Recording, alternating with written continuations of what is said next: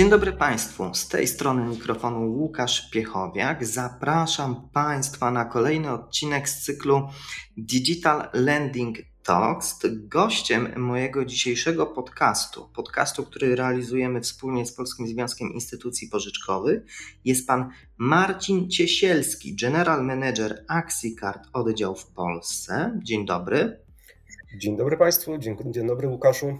Będziemy rozmawiali na temat kart płatniczych, pozabankowych kart płatniczych, ale zanim skupimy się na tym, temat, na tym temacie, na tym bardzo ciekawym segmencie rynku LendTech, zadam Panu inne pytanie odnoszące się do spraw ogólnych, a mianowicie o LendTech w czasie pandemii. Panie Marcinie, wnioski, refleksje, jakie podjęliście Państwo działania, by przetrwać i móc się dalej rozwijać?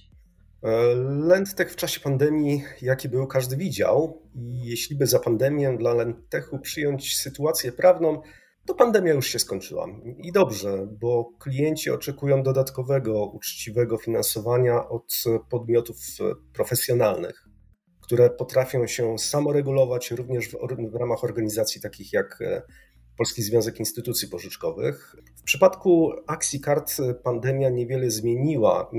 Karty nie były objęte czasową regulacją, więc biznes prowadziliśmy jak zwykle. Oczywiście musieliśmy się dostosować zarówno do oczekiwań naszej grupy finansowej, popytu na finansowanie pozabankowe, zmieniających się kanałów pozyskania, ale i zachowań klientów, które naprawdę były w e, minionym okresie inne niż byliśmy przyzwyczajeni.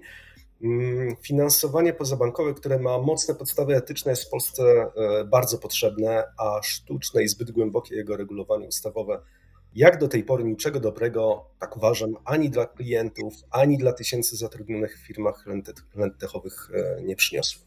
Panie Marcinie, wspomniał Pan o tym, że były inne zachowania konsumentów. Czy mógłby Pan rozwinąć ten wątek, jak, jak popyt na Państwa produkt w tym okresie pandemii się kształtował? Tak, te zachowania klientów e, były zróżnicowane i widzieliśmy to na podstawie aktywacji naszego produktu. Przed pandemią wniosek e, kredytowy czy wniosek o kartę, który był zaakceptowany, w bardzo dużym procencie przekładał się na aktywowaną kartę praktycznie po tym, jak pandemia zaistniała, ten, ta aktywacja, ten poziom konwersji, jak go nazywamy, spadł absolutnie drastycznie i to na dobrą sprawę z miesiąca na miesiąc. I to w zasadzie nie, przy niezmienionych warunkach był jedyny element, który był dla nas zaskakujący. I tutaj e, rzeczywiście pandemia wpłynęła na zachowanie klientów. Pozostałe zachowania, tak jak e, poziom spłaty, jak e, sposób wnioskowania, używania karty, w zasadzie się nie zmieniło. Oczywiście nasze karty do klientów w tym najgorętszym okresie pandemicznym docierały tak jak zwykle, to znaczy kurierem do rąk własnych na adres, e, który klient zażyczył sobie, żeby, klient, żeby kurier do niego przyjechał.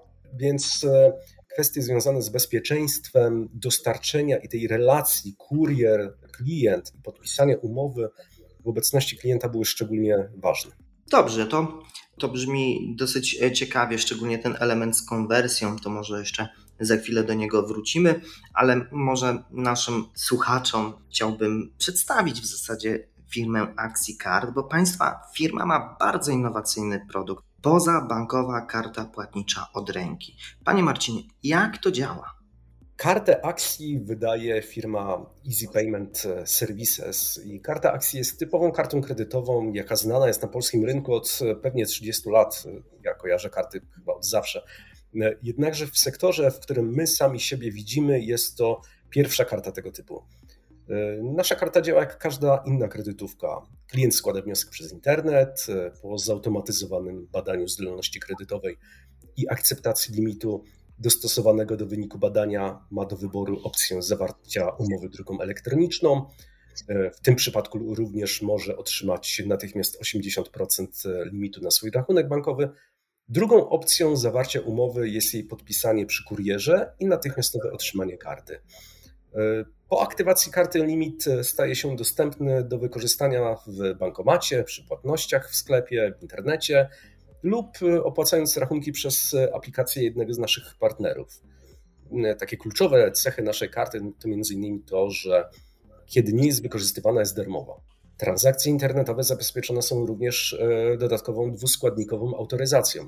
Klient może kontrolować swoje transakcje w profilu osobistym lub aplikacji mobilnej, a system spłaty jest elastyczny, ponieważ okres spłaty to jest e, pomiędzy każdym pierwszym a piątym miesiąca.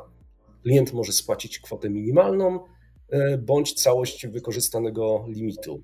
Każdorazowo zachęcamy do spłaty całości w okresie pomiędzy pierwszym a piątym, gdyż jest to dla klienta najtańsza opcja. Sam limit po spłacie można natychmiast ponownie wykorzystać. Hmm, brzmi, to, brzmi to ciekawie, ale też mówimy o kartach. E, karty sprzedaje się trochę inaczej niż online'owe pożyczki, bo jak sam Pan wspomniał, musi dojść do podpisania umowy, jest e, wnioskowanie, jest kurier.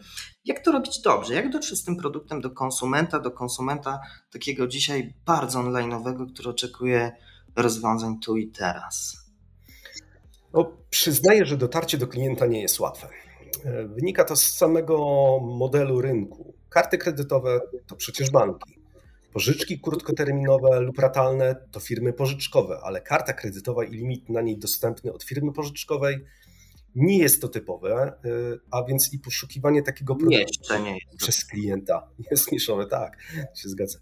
Klient szuka albo jednego produktu, albo drugiego, a my musimy go przekonać, że otrzyma dwa w jednym. Docieramy do klienta typowymi kanałami pożyczkowymi poprzez porównywarki, formularze multirejestracyjne, brokerów, AdWords, media społecznościowe. Ważne jest, że im więcej klient o nas wie, tym łatwiej go przekonać do produktu, dlatego dostęp do nas jest 24 godziny, 7 dni w tygodniu jesteśmy wręcz zobowiązani, żebyśmy byli w ten sposób e, dostępni. A Panie Marcinie, to jest bardzo e, ciekawy wątek, bo zapewne, żeby utrzymać taką ciągłość kontaktu, ten element customer, obsługi klienta musi być e, bardzo rozwinięty i na pewno korzystacie z rozwiązań, który, o których warto powiedzieć. nie jesteśmy jeszcze na tyle z, zdewelopowani, rozwinięci, żeby korzystać e, z robotyzacji chociażby, bo myślę, że to mogłeś e, nie, nie, mieć na rynku. Nie?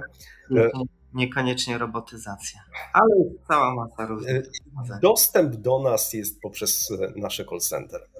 To jest podstawa naszego funkcjonowania i utrzymywania relacji z klientem ale w e, okresach, kiedy nasze call center jest niedostępne, mamy call center e, zewnętrzne, które e, gwarantuje dostęp w weekend, w nocy. No, produkt, który dostarczamy, to jest karta. Kartę zdarza się zastrzec, czy potrzebować zastrzec, bo karty się gubi. Tak to bywa. A my musimy umieć, musimy, jesteśmy zobowiązani do tego, żeby kartę zastrzec natychmiast e, po zgłoszeniu od klienta. Czy, czy, czy, też kontakt z klientem jest 24 na 7.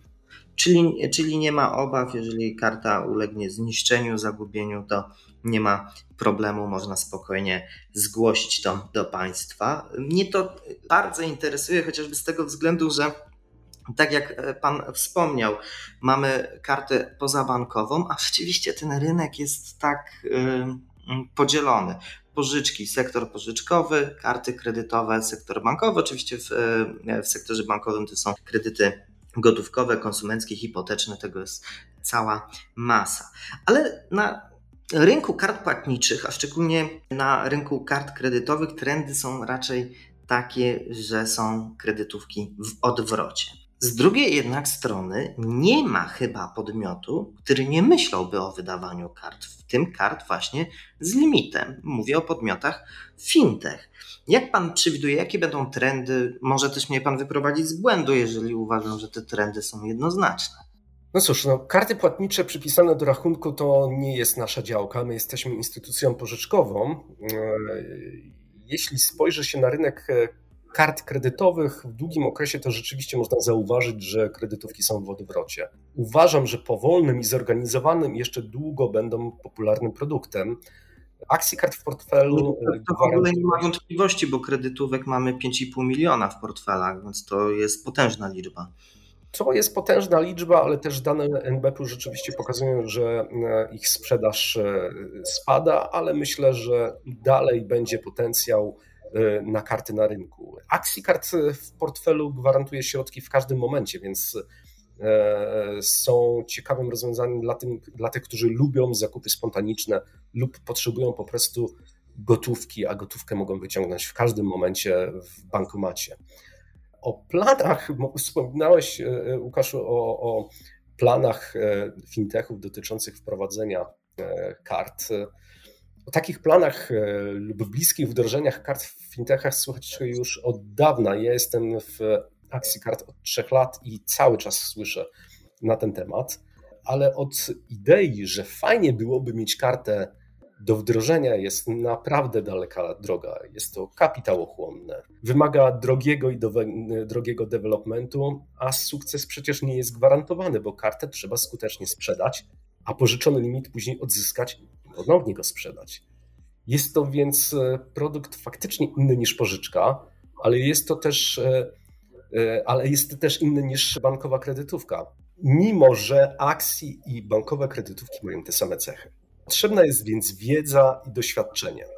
Specjalistów od pożyczek na naszym rynku zdecydowanie nie brakuje. Od kredytówek bankowych też nie. Brakuje tylko od kredytówek pozabankowych. I to jest również, myślę, jedna z istotnych barier. Mm, czyli, czyli trend jest taki, że e, na razie macie niezagrożoną pozycję tak można to ująć. Z tego powodu można się cieszyć z jednej strony, ale z drugiej uważam, że konkurencja tylko pomaga. I to pomaga nie tylko, żeby się samemu rozwijać, ale konkurencja dociera również do klienta. Jeśli konkurujemy na tym samym rynku bardzo podobnym produktem, to informacja, jaka do klienta dociera, jest tylko większa, lepsza i głębsza, a to oznacza, że więcej klient będzie wiedział, w jaki sposób korzystać z, tego, z takiego produktu.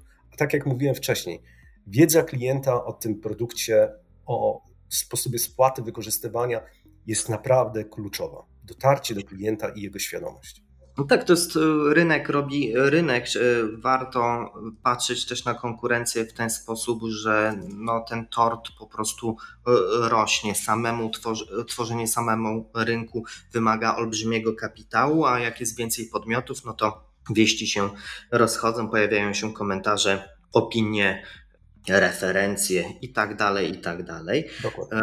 Jak e, pan zauważył, zresztą to chyba nie jest oczywiste, jest to, jest to oczywiste. Ja to się bardzo cieszę, że, że tak właśnie jest, że mogłem dzisiaj pana zaprosić do mojego podcastu, bo to pokazuje, że Lendtech to nie tylko sektor pożyczkowy z produktami takimi powiedziałbym tradycyjnymi, to nie tylko buy now, pay later, ale jest to bardzo, bardzo rozbudowany ekosystem, gdzie znajdziemy naprawdę wiele różnych podmiotów. Podmiotów, które świadczą usługi dla konsumentów, przedsiębiorców i podmiotów, które świadczą usługi dla innych uczestników tego systemu.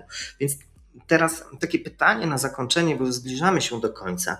Jak pan sądzi, panie Marcinie, w jakim kierunku będzie się ta branża rozwijać? Mówimy o Lendtechu oczywiście. Tak, ten Lendtech jest faktycznie zróżnicowany e, i pytanie brzmi, co do niego zaliczamy, a co nie. Uważam, że w krótkiej perspektywie e, jednego roku rynek będzie wyglądał tak naprawdę jak przed pandemią. W krótkiej do pięciu lat um, uważam, że rozbuduje się rynek e, płatności odroczonych. Ten, który już jest, dojdą oczywiście nowi gracze, e, rozbuduje się to wszystko o produkty dodatkowe. Nie wykluczam również, że dojdą do tego karty i pożyczki ratalne, oczywiście jeśli chodzi o rynek płatności odroczonych. Uważam również, że firmy, które, do tej pory oferowały głównie jeden produkt krótkoterminowy, będą rozszerzały swoją ofertę. Nie wydaje mi się, że będzie następowała jakaś konsolidacja rynku, chyba że w płatnościach odroczonych, bo mimo że rynek perspektywiczny, bardzo perspektywiczny i bardzo duży, to jednak e, globalni gracze mogą tutaj zrobić bardzo dużą różnicę. W dłuższej perspektywie uważam, że większość Lentechu mm, stanie się firmami multiproduktowymi. E, multi e, może jest tutaj troszeczkę na wyrost, ale firmami, które będą w stanie dostarczyć klientowi przynajmniej trzy produkty, takie jakie, jak właśnie karta, produkt krótkoterminowy, produkt ratalny, myślę, że to jest, że to jest przyszłość rynku. Być może jakieś produkty ubezpieczeniowe. ciekawe. Jednak wszyscy wiemy, że regulacje prawne potrafią pojawić się z dnia na dzień, z nocy, postawić rynek na głowie. Godziny na godzinę. O, również, tak. Nieraz nas zaskakiwały. Nie straszmy, nie straszmy. Y, regulacje. Nie, jesteśmy myślę, odporni i dobrze zorganizowani, a kiedy jesteśmy etyczni i działamy naprawdę na rzecz konsumentów, nie powinniśmy się takich rzeczy bać. Regulacje regulacjami, mamy, e, mamy na to baczenie wszyscy.